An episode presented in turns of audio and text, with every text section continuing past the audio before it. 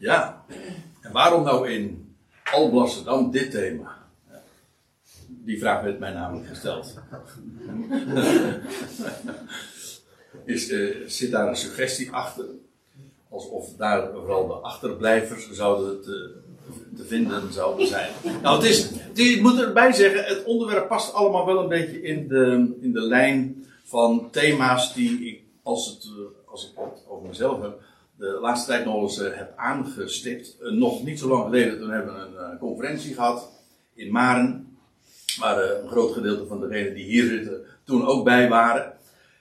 Dat ging dus ge- eigenlijk ge- over het, die hele dag over dit thema van de wegrukking. Waarbij ik uiteraard, en dat licht ik bij deze nog eventjes toe, voor degene die misschien het gemist heeft. Maar met de wegrukking hebben we het dus over dat, eh, die gebeurtenis die eh, met name dan in 1 Thessalonica 4 wordt beschreven, waarin eh, de gelovigen, de doden en de levenden, dat wil zeggen de overledenen en degenen die op dat moment in leven zijn, weggerukt zullen worden en de Heer tegemoet zullen gaan in de lucht. En dat wordt beschreven als een, ja, als een evacuatie, zeg maar. En die uitdrukking van de wegrukking is daar ook aan ontleend. Maar de geschiedenis hier op aarde gaat dus verder. En dat betekent dus dat er een categorie vertrekt. En er is een categorie die achterblijft.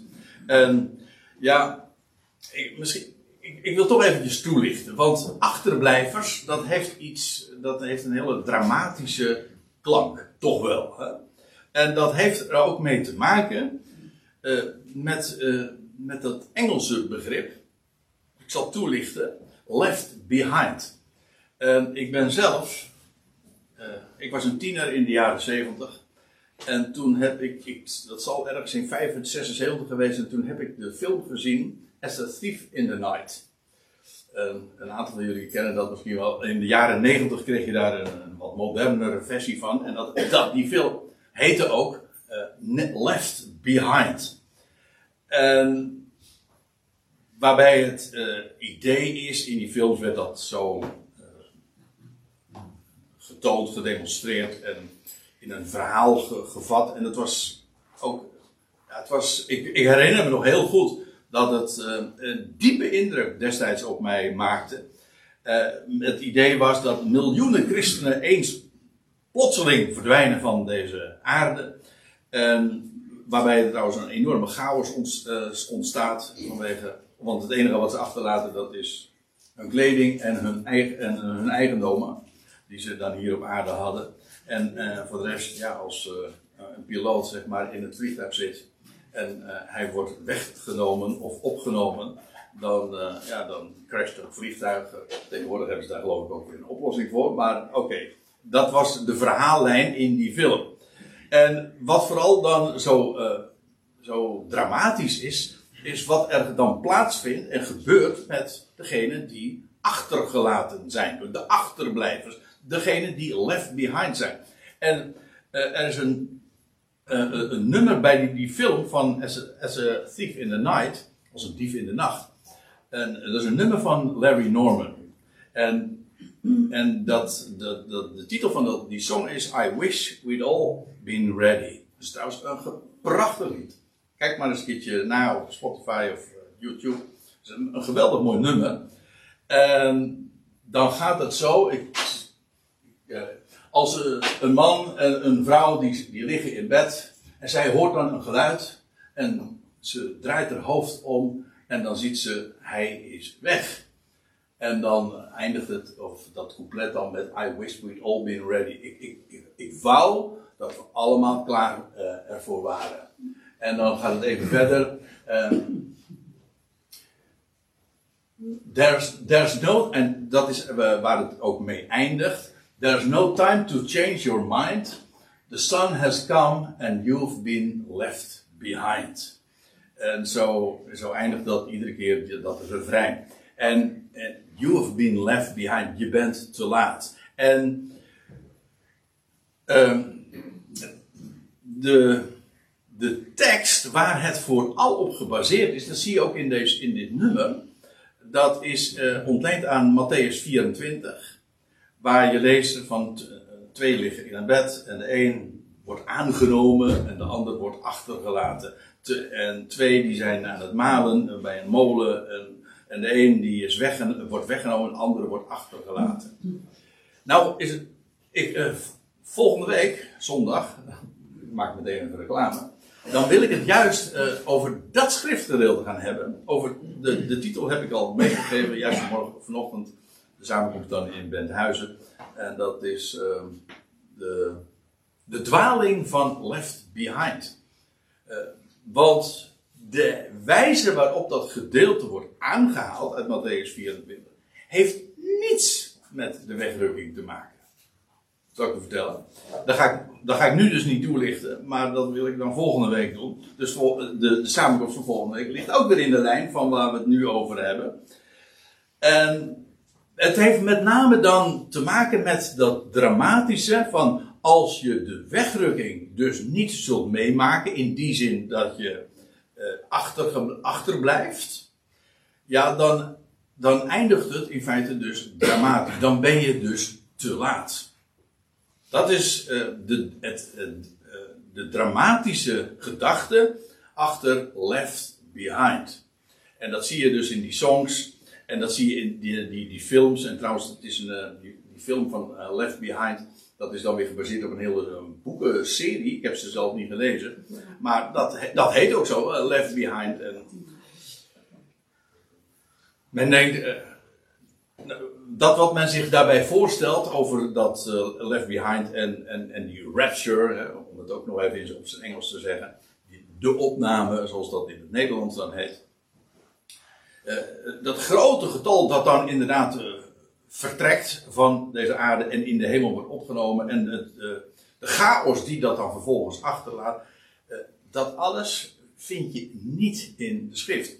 Het is in feite een, een, een verdraaiing van wat de schrift zegt over de wegrukking.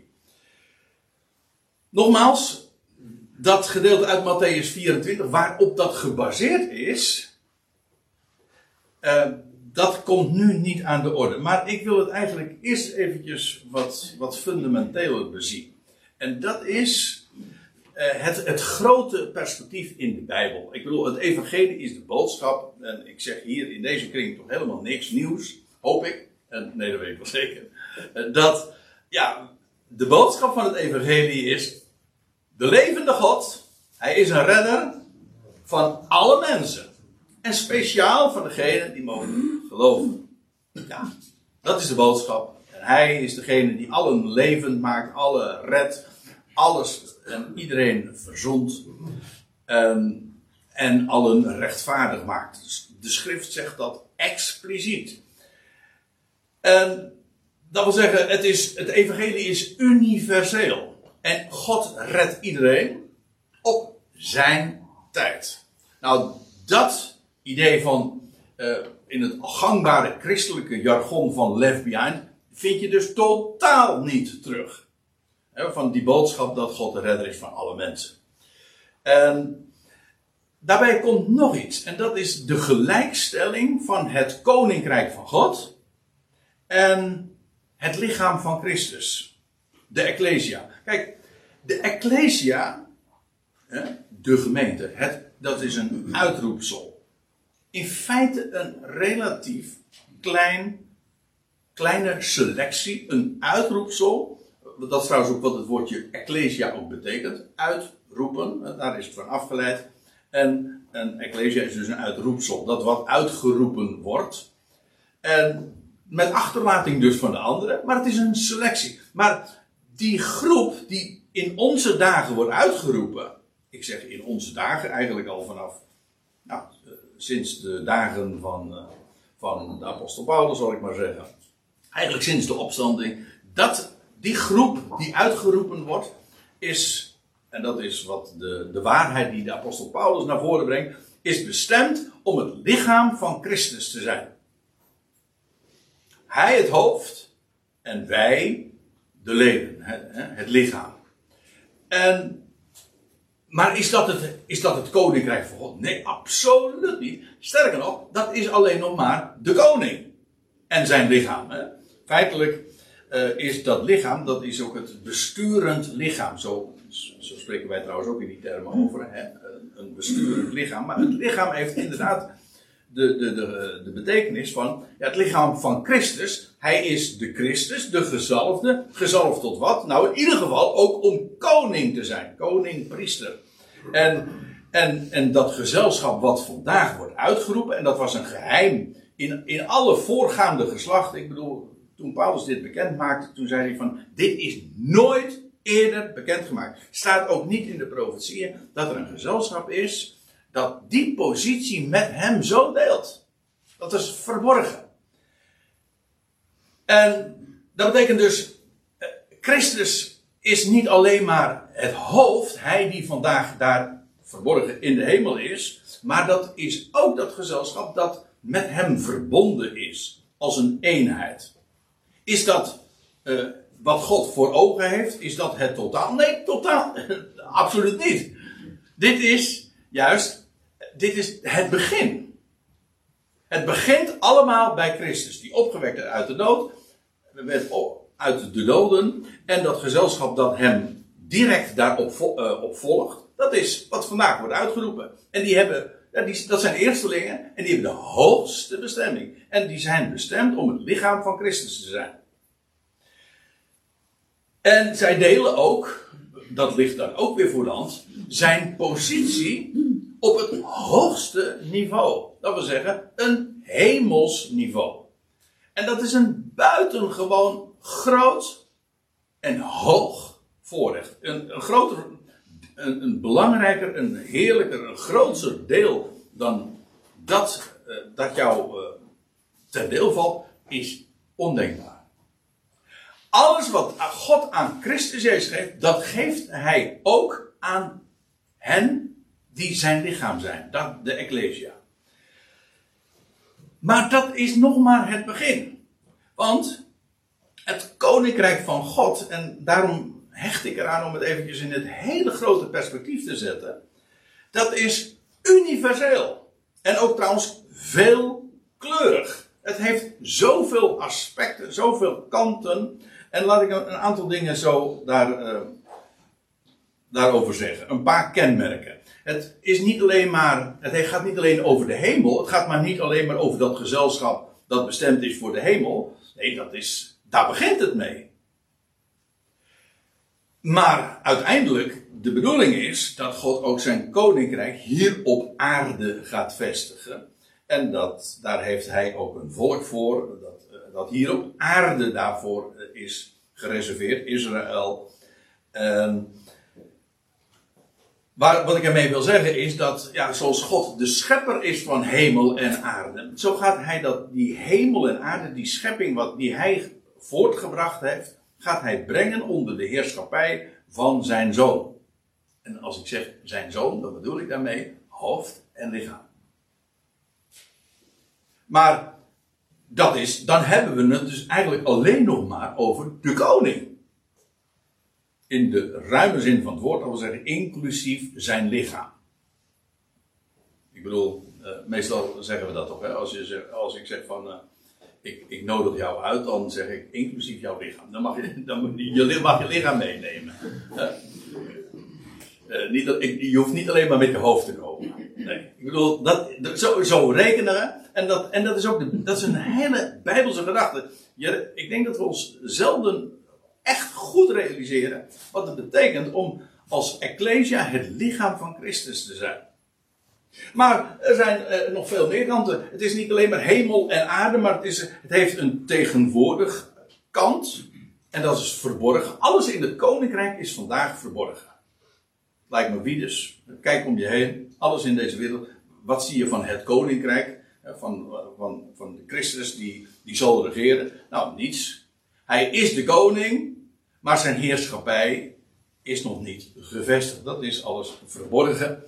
En ja, dat wordt anders wanneer hij straks in de nabije toekomst eh, zal verschijnen en geopenbaard zal worden. En dan zal hij eh, de aarde opeisen. Trouwens, eerst de hemel. Maar daar heeft, dat heeft weer alles te maken met die wegrukking.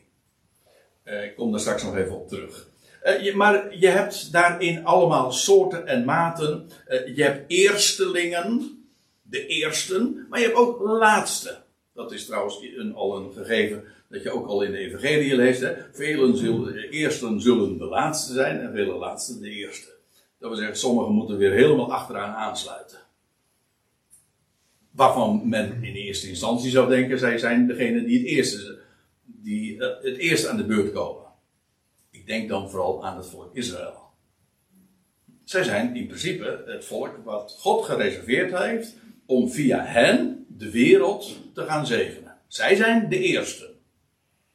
En daar zijn, en daar zijn verschillende categorieën. Hè? De eersten en lateren en de, uiteindelijk ook de laatsten. Maar God heeft het totaal op het oog.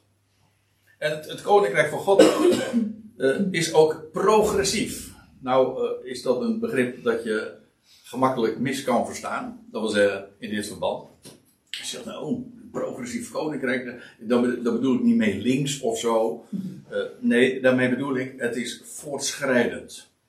het gaat, en, en, en hoezo voortschrijdend? Wel, daar is een ontwikkeling gaande. En een voortschrijdende heerlijkheid. Hè. Straks zal deze aion, waarin alles nog verborgen is, worden afgesloten. En dan breekt de toekomende aion aan. En dat zal een geweldige glorie zijn, maar uh, het, kan, het kan nog niet in de schaduw staan van de aion die daarop volgt. En dat is, dat is de aion van de aionen. Ja, weet u, wat de dingen die ik nu zeg, die zijn over het algemeen in de christenheid compleet onbekend en ze worden ook ontkend. Men kent ook geen ionen, men kent alleen maar een eeuwigheid. Maar dat, dat is, heeft niets te maken met wat een ion is. Dus ja, als jij natuurlijk denkt in de termen van uh, uh, straks uh, is het, breekt de eeuwigheid aan bij de komst van Jezus Christus. Dat is wat men dan denkt. Breekt de eindeloze eeuwigheid aan. En dat is ook waar ik ooit, ja, in, in, de, in reformatorische wereld, maar in het algemeen in de christelijke wereld mee groot geworden ben. Dat is de gedachte van uh, straks heb je de jongste dag en dan breekt de eindeloze eeuwigheid aan en is het eeuwig wel of eeuwig wee. En dan met, met eeuwig bedoelt men dan eindeloos. Dat is het. Twee, twee, twee bestemmingen. Ja, of dat God een geweldig plan heeft, dat Jezus Christus terugkeert en dat er een nieuwe aion gaat aanvangen. En dan is het de duizend jaren. En dan is het nog niet het einde. Integendeel, dan gaat er nog iets groots gebeuren. En dat zelfs dat is nog niet het einde, want uiteindelijk zal ook de dood te niet gedaan worden. En dan is het de voleinding van de aionen. En dan is het de, een, een ultieme heerlijkheid waarin niets en niemand meer ontbreekt. Dat bedoel ik met progressief voortschrijdend. Steeds groter. Het is net als een, een steen die in de vijver gooit. En er ontstaan steeds wijdere kringen omheen. Ja, totdat het geheel, totdat de hele vijver, zeg maar, uh, bereikt is. Totdat ook de randen bereikt zijn. Dat is progressief. Daar zijn, is volgorde. Er zijn eerstelingen, er zijn er ook die later volgen. Maar God heeft het geheel op het oog. En Israël en de volkeren. Vind dat plaatje misschien een beetje vreemd, maar ik zal even kort toelichten. Uh, Israël wordt vergeleken ook met het zand aan de oever van de zee. De zee is trouwens een beeld van de volkeren. En hoe gaat dat met het strand? Ik weet, ik weet waar ik het over heb. Ik woon in Katwijk, per slotverrekening. Maar uh, trouwens, dan hoef je niet gewoon in Katwijk door. maar uh, hoe gaat het met het strand? Dat zand wat daar ligt, ja, dat is aangespoeld door de zee. En zo is het ook met Israël dat wordt straks verzameld uit de volkeren. En uh, vandaar ook dat uh, het nageslacht van Israël vergeleken wordt met het zand aan de oever van de zee. Maar goed, waar het me nu even om gaat is, God heeft een volk bestemd om de hele wereld te bereiken. Zij zijn een koninkrijk van priesters. Dus je hebt een koning, maar je hebt ook een koninkrijk. En dat koninkrijk van, van priesters, dat, dat volk van Israël, ja, die heilige natie, die is dan weer bestemd om de hele volkerenwereld te bereiken. Zie je dat er verschillende klassen en categorieën zijn. En dan heb ik er nog één. zonder uh, te claimen dat ik compleet ben, maar ik geef slechts voorbeelden van hoe veelkleurig en hoe universeel het is. Het betreft de levenden, maar ook de doden. Ook zij die in de dood terechtgekomen zijn, of dat nou de eerste of de voor een tweede keer, want ook dat kan nog.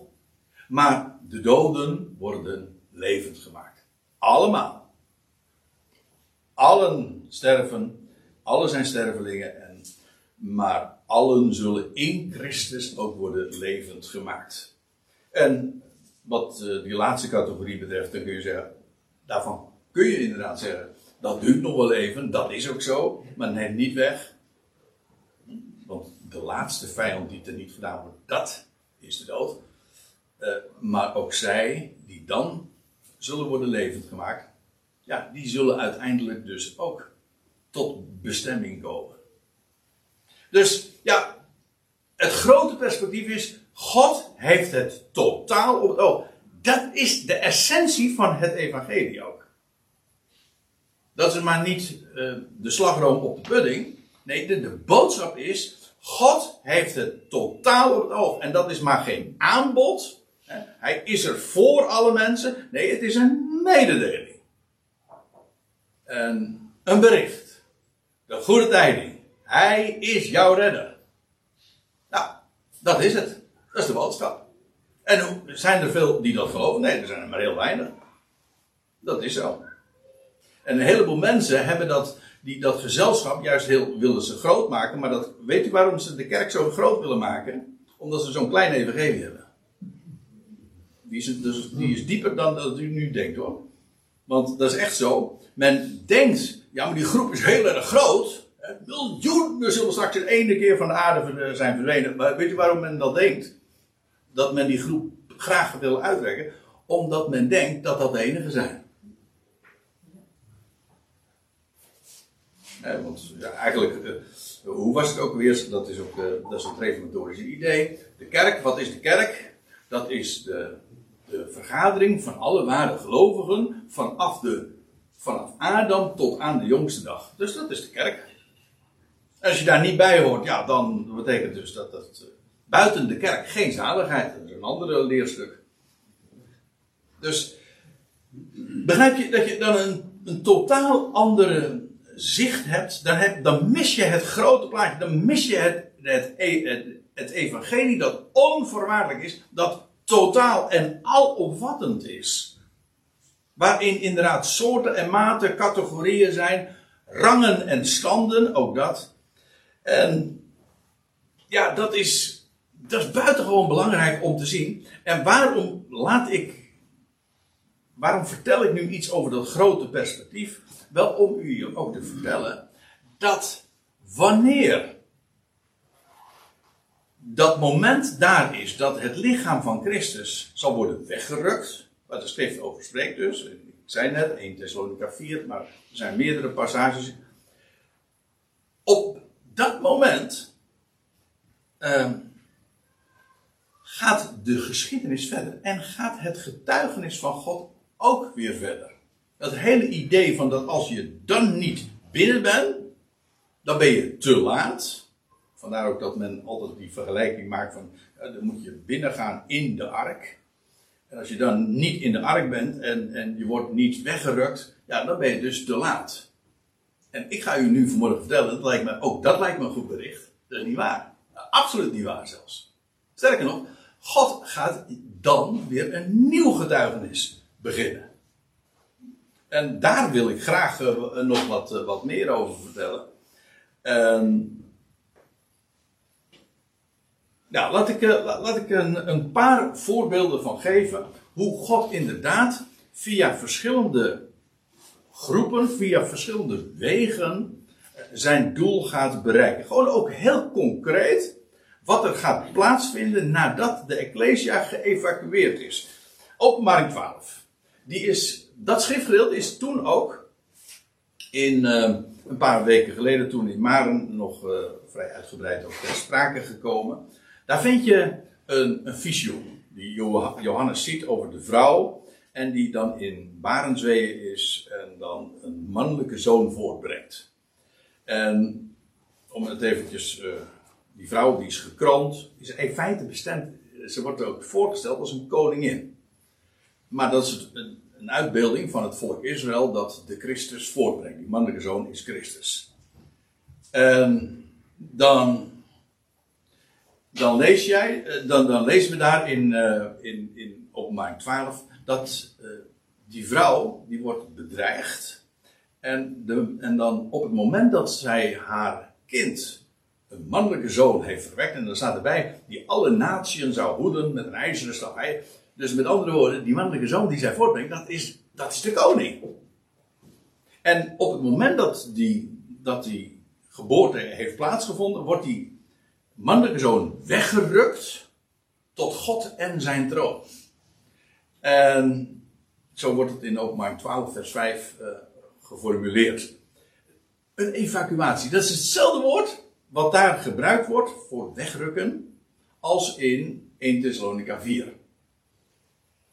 Dat we, wij zullen worden weggerukt, zegt Paulus daar. Eh, en, de Heer en we zullen de Heer tegemoet gaan in de lucht. Ja, dat is wegrukking, maar datzelfde woord wordt ook gebruikt in openbaring 12. En de aardigheid is, het klopt ook perfect daarmee. Want wat lees je vervolgens? Als die mannelijke zoon is weggerukt tot God en zijn troon. waarom trouwens?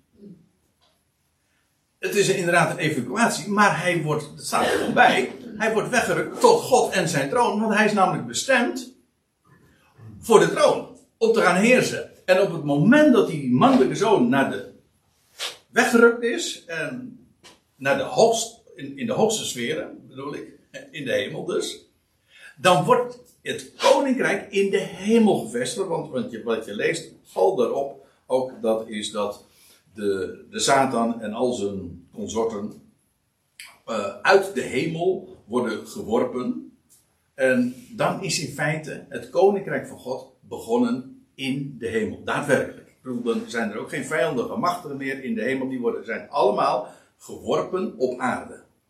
Vanaf het moment dus dat die mannelijke zoon wordt weggerukt, ontstaat er meteen oorlog en, die, en dat lees je dan over Michael. En kijk het maar eens na. En dan worden ze geworpen, eh, dan worden die, die vijandige machten, Satan, onder leiding van Satan en de tegenstander, worden geworpen op de aarde. En dan breekt er een enorme, uh, ja, dat begrijp je, dat als de Satan geworpen wordt op aarde, dan staat er van dat het een, een, een rampzalige tijd zal uh, zijn. Of in ieder geval een grote verdrukking. En de Satan gaat rond dan, lees je ook. Hij weet dat zijn tijd kort is en hij uh, is, hoe staat? Hij is zeer toornig. Uh, dat hij zijn plaats van heerschappij daarboven heeft moeten verlaten. Bal erop lees je dat als die mannelijke zoon is weggerukt, dat die vrouw, waar ik het zojuist over had, voor Israël, dat vlucht naar de woestijn. En dan staat erbij, opdat ze daar bewaard en eh, behoed zou worden en gevoed zou worden 1260 dagen. Dat is een periode van 3,5 jaar. Wat ik ermee wil zeggen is, na die wegrukking gaat God weer de draad oppakken en zal hij een plaats van veiligheid ook creëren voor het voor het volk van Israël dat tijdig gevlucht is. Dat moet ik er ook nog even bij zeggen. Want op het moment dat de wegrukking plaatsvindt, dan zal er ook een, een afgodsbeeld in, in Jeruzalem worden neergezet, de gruwel van verwoesting. En dan moet men maken dat men wegkomt. En als, en als men niet tijdig gevlucht is naar de woestijn, ja, dan zal men dus in het land moeten achterblijven, daar in Israël, in het land van Israël. En dat zal nog een, een vreselijke tijd van grote verdrukking zijn. Maar er is een categorie dat die bewaard wordt, veilig bewaard wordt in de woestijn.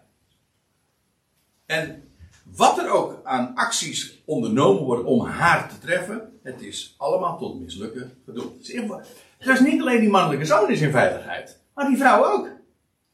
Dat voort dat gevlucht is, tijdig gevlucht is in de woestijn, is daar ook in veiligheid. Dus het hele idee van dat als, als je niet behoort bij die mannelijke zoon, uh, dan betekent dat dus dat het uh, dramatisch met je af. Dat, dat is niet waar. Het is waar. Na de wegrukking ontstaat dat. Ja, dan begint dan. Dat is de afsluiting van deze aion. Dat is een, een, een hele buitengewoon heftige tijd. Maar het is niet zo dat daar in die tijd Gods getuigenis niet zal klinken en dat daar ook geen mensen zullen zijn die, die, opnieuw, die ja, opnieuw het woord zullen horen, maar ook uh, gelovig daadwerkelijk zullen worden. In de eerste plaats, dus uh, is daar sprake van die vrouw, die, uh, die een onderduikadres in de woestijn treft. En daar blijft het trouwens niet bij, want je leest dan dat die Satan die uit de hemel is geworpen, uh, die achtervolgt, zonder succes, de vrouw. En staat erbij, en de overigen van haar zaad. En ook daar moet je bij stilstaan. Dus daar is niet alleen maar die vrouw in de woestijn. Nee, maar zij heeft nog meer. Zij brengt nog meer voort. Dat wil zeggen, het getuigenis uh, dat, dat uh, in die dagen zal klinken. Ja, dat zal, daar, dat zal gehoor vinden. Ik denk in het land, maar ook buiten het land. Ook in het boek Openbaring lees je over Ecclesia's in het, in het buitenland. Dat is allemaal in die dagen van de openbaring. En dus, je hebt de mannelijke zoon, je hebt de vrouw die daar in de woestijn bewaard wordt, je hebt ook nog de overigen van haar zaad, dat wil zeggen degene die uh, ook door haar getuigenis voortgebracht worden. Want, ja, ik, ik, uh, breng het nu allemaal wat puntsgewijs uh, naar voren. Alleen maar om duidelijk te maken dat God nog een, een geweldig plan uh, achter de hand heeft, zal ik maar zeggen. En een, een, een voornemen heeft dat hij gaat realiseren. Naast dat hij een plan heeft met die mannelijke zoon. Israël en degene die tot, die die tot geloof zullen komen in het getuigenis dat dan zal klinken. Het evangelie van het koninkrijk. En je hebt daar bijvoorbeeld op het moment dat die wegrukking zal hebben plaatsgevonden, dan zijn er weer twee getuigen. Ook daarvan lees je in het boek Openbaring. Twee getuigen die daar op het tempelplein zullen spreken. En dat zal geloof wekken. In het land en daarbuiten. En opnieuw klinkt daar dus een getuigenis. Het is trouwens een, een andere boodschap. Natuurlijk, het is waar. Het evangelie van Jezus Christus, de opgewekte, dat zal klinken. Maar het is een heel andere setting. Dan is de boodschap, het koninkrijk staat op het punt aan te breken. En, en dan zal ook het evangelie van het koninkrijk uh, onder alle volkeren, lees je, gepredikt worden. Nou, Openbaring 12, alleen al in dat hoofdstuk zie je inderdaad, er zijn verschillende categorieën. Ik heb er nog één. Matthäus 25. Om dat duidelijk maakt dat daar niet alleen maar uh, het lichaam van Christus is, maar daarna gaat God weer dus de, uh, een weg met allerlei andere groepen van gelovigen ook. In Matthäus 25 dan lees je over dat alle volkeren zullen worden verzameld wanneer de zoon des mensen, Ben Adam, gezeten zal zijn op de troon van zijn heerlijkheid in Jeruzalem. Kijk, maar ik, ik heb expressie hier trouwens. Uh, ik heb wel het hoofdstuk vermeld, maar kijk maar eens in dat gedeelte na uh, hoe dat uh, precies beschreven wordt. Als de Heer straks zal teruggekomen zal zijn en zijn troon zal hebben neergezet in Jeruzalem. Ja, wat gaat hij dan doen? Nou, dan gaat hij in de eerste plaats het volk van Israël uh, terugbrengen naar het land. Maar ook, en dan zal er een periode van grote toren ook over, over deze aarde aanbreken. Maar in die dagen zal het getuigenis wereldwijd klinken. En er is een, een groep van mensen die God daarvoor heeft, heeft gereserveerd. Uit, uit Israël, 144.000 mannen. En die, worden, en die worden uitgezonden over de hele aarde. En ze worden, ze worden verzegeld, dat wil zeggen, ze, worden, ze zijn niet aantastbaar. En ze zullen in te midden van alle gerichten die over de aarde zullen gaan, zullen zij niet getroffen worden. Maar ze zullen het evangelie brengen.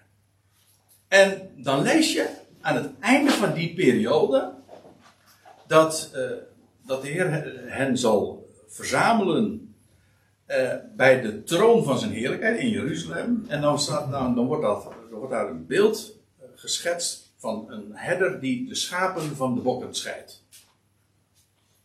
En,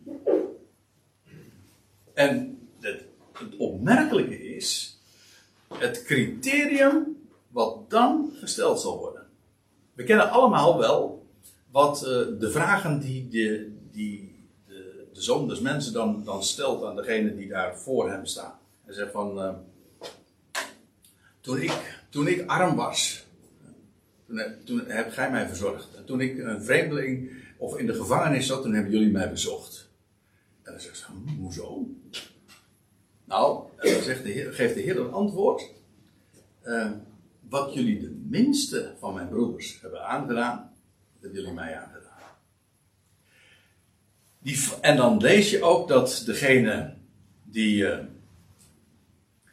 uh, de minste van zijn broeders, dat zijn de, dat zijn de Israëlieten, die uitgezonden zijn uh, over de hele aarde. En ja, die zullen ook inderdaad veel te verduren hebben gekregen. Maar de, degene die hen hebben ondergebracht en hebben verzorgd en en hebben ontvangen. Wel, van hen lees je, zij, zijn, zij worden de, dat zijn de schapen, uh, zij worden de rechtvaardigen genoemd. En zij zullen de toekomende eeuw beërven.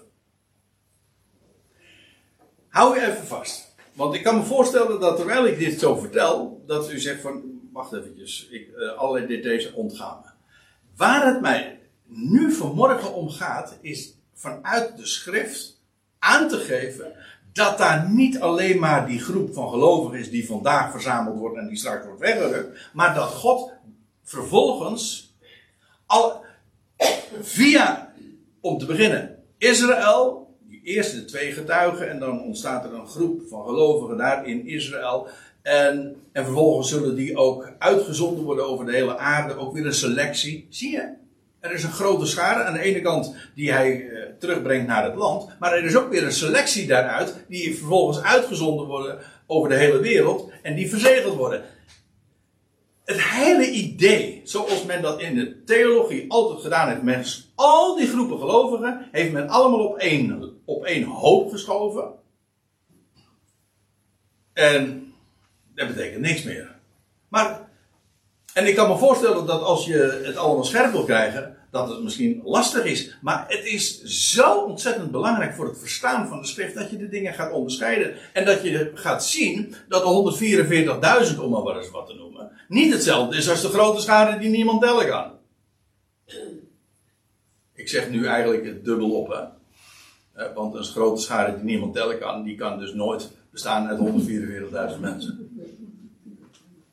Dat zijn verschillende categorieën. En dan komt er Jehovah's getuige bij u aan de deur. En die zegt van, uh, oh, u gaat naar de kerk toe. Oké. Maar weet u dat de kerk altijd leert dat de grote schade die niemand tellen kan hetzelfde is als de 144.000? Oh, is dat zo? Zegt dan de gemiddelde. Als, als je al sowieso het gesprek aangaat met de Jehovah's getuigen. En dan. Uh, dat wordt een heel lastig verhaal, kan ik u vertellen hoor. Als je gewoon inderdaad door als je de, opgevoed bent en niet meer weet dan de, de, zeg maar de gangbare theologie, dan snap je er. Dan zeg je, oh, is dat zo? Uh, wordt dat zo geleerd? En dan, die overgetuigen zal je dan duidelijk maken van, dat kan natuurlijk nooit. Als de schrift zegt, deze groep noemt een grote schade die niemand tellen kan. En, en, en aan de andere kant, in datzelfde hoofdstuk, in openbaring 7, lees je over een groep van 144.000, 12.000 uit die stam, 12.000 uit die stam kan u trouwens een aanbeveling doen. Als je een gesprek mocht hebben met iemand van het wachttorengenootschap, want zo noem ik ze liever dan Jehovah's getuigen. Uh, maar uh, dan moet u vragen van, uh, hoezo twaalf stammen? Zijn er dan verschillende, zijn er dan inderdaad verschillende stammen? Of als zo iemand dan claimt van, ja maar ik behoor bij die 144.000, hoef je alleen maar de vraag te stellen, van welke stam bent u eigenlijk? En ik geef u een briefje, ik weet het namelijk uh, uit ervaring. Dan staat men met de mond vol tanden. Want men neemt wel inderdaad letterlijk dat het om 144.000 gaat. Er staan 12.000 uit stam, 12.000 uit stam, 12.000 uit die stam. Wordt allemaal zo keurig geformuleerd en op een rijtje gezet. En dus zeggen ze van, ja, dat zijn er dus 144.000. Het is niet reëel om dat gelijk te trekken met die andere eh, die, die grote groep. Daar hebben ze een punt. En ze winnen dus, dat is een, een boksterm geloof ik, hè? ze winnen op punten. Maar ook zij vallen door de man door met hun uitleg. Waarom? Omdat men helemaal niet gelooft dat, dat, dat God nog inderdaad een, een plan heeft met alle stammen van Israël. nou, waar het om gaat is, er zijn allerlei categorieën. Er zijn verschillende groepen. Maar God, met die 144.000 heeft God ook een speciale plan. Een speciaal plan, namelijk om ze te verzegelen en om de hele wereld te bereiken met het evangelie van het koninkrijk. Straks, na de wegrukking. En dan is daar ook nog een grote groep, een, die, die niemand elk aan die verzameld zal worden in het land. En dan is er ook nog een categorie van rechtvaardigen uit de volkeren, dat zijn de schapen, die degene die het evangelie van het koninkrijk brengen, ontvangen en zich over hen ontfermen. En zij worden de rechtvaardigen genoemd. En dan zegt, de, zo eindigt Matthäus 25 ook, komt, gij gezegende van de Vader, eh, jullie, recht, jullie zijn rechtvaardigen eh, en beërft eh, de toekomende eeuw. Of het koninkrijk dat voor u bestemd is. Dus, na de wegrukking gaat er weer, gaan er ook naast het, het, het, de, de enorme heftige dingen die zullen plaatsvinden, ik doe daar niks van af, gaat God ook zijn woord weer laten klinken en er zullen vele van, groepen van gelovigen ook in die dagen weer zijn. Onderscheiden groepen. Ik bedoel, wij kennen in onze dagen eigenlijk maar één groep. Dat is het lichaam van Christus dat vandaag uitgeroepen wordt. Maar straks ontstaan er verschillende groepen en categorieën die, die de schrift onderscheidt. Ik zie hier, de minste van mijn broeders. Maar je hebt ook de schapen. De rechtvaardigen uit de volkeren. Het zijn allemaal verschillende groepen. Dan heb ik er nog één om u uh, daarmee uh, om te vertellen. Uh, dat. Ja, in openbaring 19. Uh, daar lees je over de bruiloft van het lam. Dat is een uitbeelding van, van het Messiaanse Rijk. Ja, en wat. En dan, dan, dan wordt dat zo beschreven: het lam, uh, het lammetje, de Christus. En hij heeft een bruid.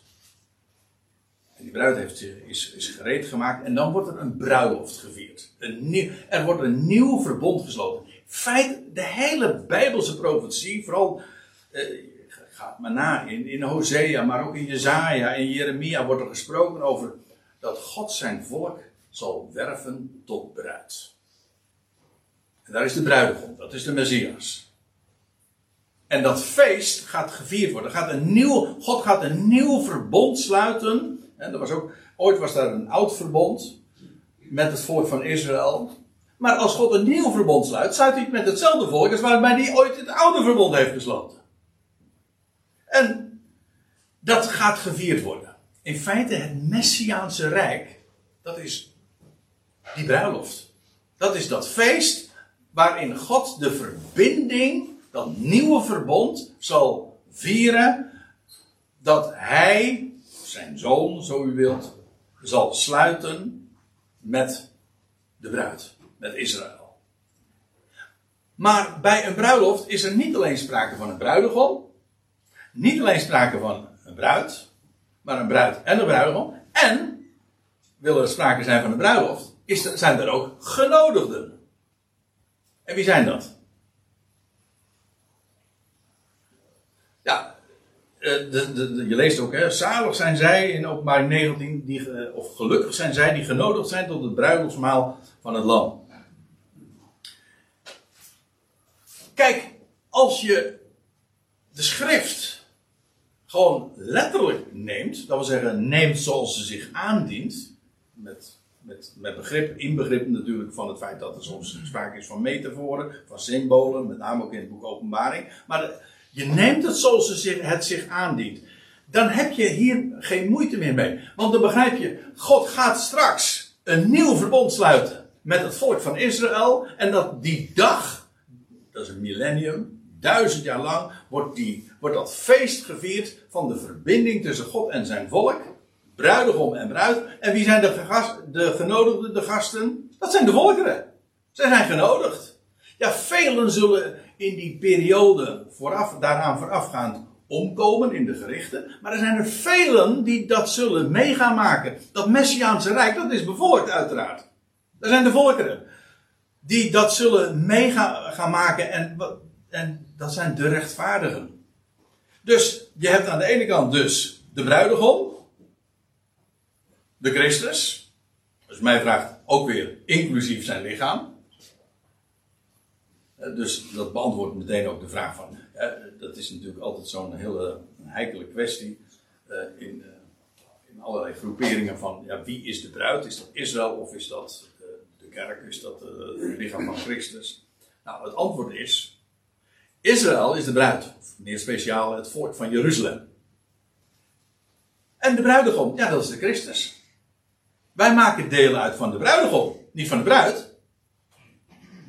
En is dat, is dat het dan? Nee, dat is in feite de, de bruidegom en de bruid. Dat is het koninklijk echtpaar, als ik het even zo mag zeggen.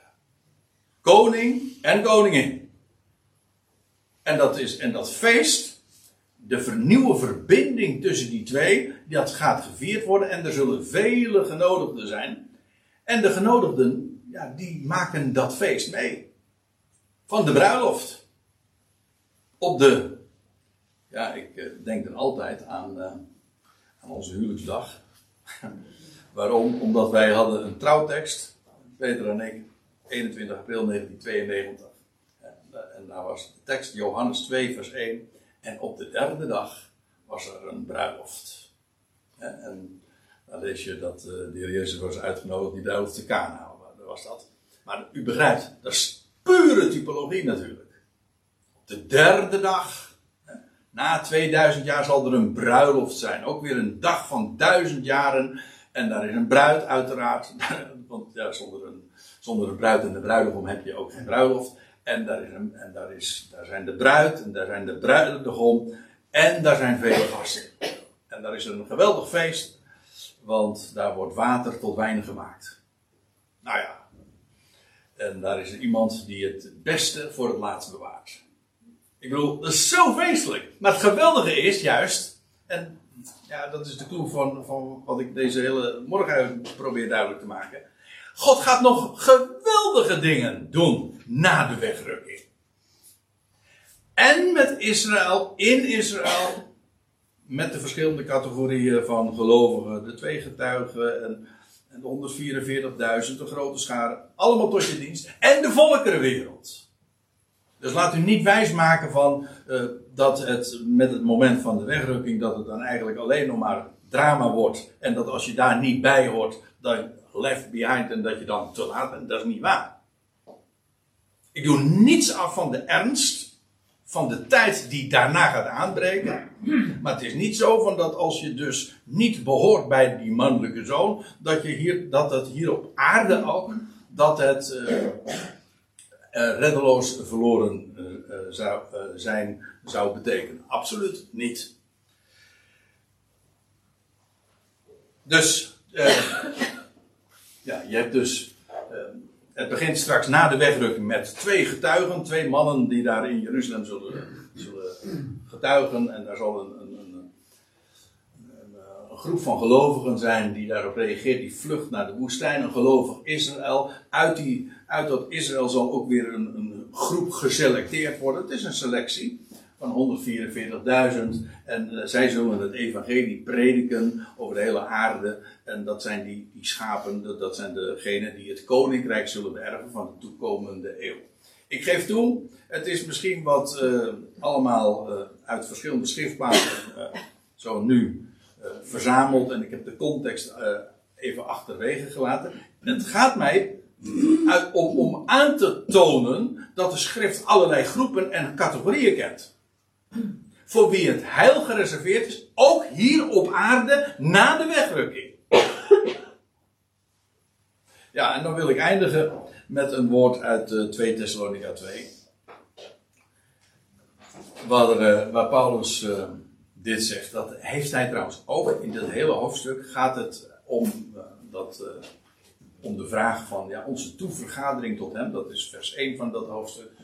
En dan staat er, als hij daarover heeft gesproken, dat over, over allerlei ontwikkelingen, over de mens Gods die zich, in de tempel, die zich in de tempel van God zal zetten als de wetteloze. Uh, ja, maar voorafgaand daaraan worden wij weggerukt. En dan zegt hij in vers 13 dit. Maar wij behoren God ten alle tijden om u te danken. Door de Heer, geliefde broeders, dat God u als eerstelingen zich verkoren heeft tot redding in heiliging van geest en geloof van waarheid. Ziet u? Als je bij hoort bij de eerstelingen, dan betekent dat je als eerst, ja, dat is wat het woord betekent. Dat betekent, de oogst is veel groter, maar jullie zijn uitgekozen om eerstelingen te zijn. En daarmee dus ook de hoogste bestemming, want dat is in de Bijbel altijd de gedachte. Degene die het eerste is, wie het eerst komt, wie het eerst maalt. Hè? Uh, wie, het eerst, wie het eerst is, ja. Is dat een prestatie? Nee, wij zijn, wij zijn de eerste die geroepen zijn na de opstanding van Christus. En daarom hebben we de hoogste bestemming. Eerstelingen. En dat is in de Bijbel altijd zo. De eerstelingen van de oogst. De eerstelingen van de kudde. De, de vroegstgeborenen. Eh, die, die zijn bestemd voor God. De hoogste bestemming krijgen zij. Dat is een universeel Bijbels principe en dat geldt ook voor de eerstelingen die God vandaag zich verzamelt. Zij zijn geroepen om het lichaam van Christus te zijn. En uh, ze zijn, staat hier ook hè, God, God heeft hen uitgekozen. Dat is een uniek deel. Is dat alles? Nee, dat is juist wat het woord eerstelingen aangeeft. Er volgt nog veel meer. En Paulus zegt: Wij behoren God ten alle tijden om jullie te danken. Geliefde broeders, dat God u als eerstelingen zich verkoren heeft tot redding, in heiliging van geest en geloof van waarheid. En daartoe heeft hij u ook door ons evangelie geroepen, zegt Paulus, tot verkrijging van de heerlijkheid van onze Heer Jezus Christus. Ik vind dat geweldig, want dat betekent dus dat wij eerstelingen zijn. Dat betekent dat wij de, de heerlijkheid verkrijgen van Hem, onze Heer Jezus Christus. Hij het hoofd en wij delen in de glorie die aan hem is gegeven. Dat is wat ons tot eerstelingen maakt. En daarna, als, of als dat werk compleet is, nou dan worden de eerstelingen ingezameld, worden weggerukt. We krijgen een bestemming daarboven. Waarom? Wel om het koninkrijk eerst daar in de hemel te vestigen. En dan gaat God nog vele dingen meer doen via zijn volk Israël hier op aarde, om uiteindelijk ook de volkeren te bereiken. Ziet u? En dat is het laatste. Mijn punt is duidelijk, hè? Lijkt mij. Namelijk, Gods plannen zijn zoveel meer omvattend dan we ooit zouden kunnen bevroeden. En uh, nou, met dat goede bericht wilde ik u graag uh, vanmorgen eens uh, trakteren. En deze dingen te bedenken. Wellicht nou, dat moet ik als allerlaatste dan nog even bij zeggen. Het zou kunnen dat, dat dit voor een aantal van jullie eigenlijk vanzelfsprekend is. Ja, maar als je natuurlijk erg bent bezoedeld met de gedachte van, van left behind, zoals dat in de kerkelijke, evangelische wereld leeft, vooral de evangelische wereld, dan kan het zomaar zijn dat je gezicht, je, gezicht, je, uh, ja, je zicht uh, beslagen is, hè, je bril, dat je daar niet goed doorziet, doordat je allerlei gedachten hebt van dat, een, dat je reddeloos verloren bent als je niet hoort bij die selectie van, van eerstelingen. Goed, nou, daar wilde ik het vanmorgen graag bij laten. En Tom, zullen we nog een iets?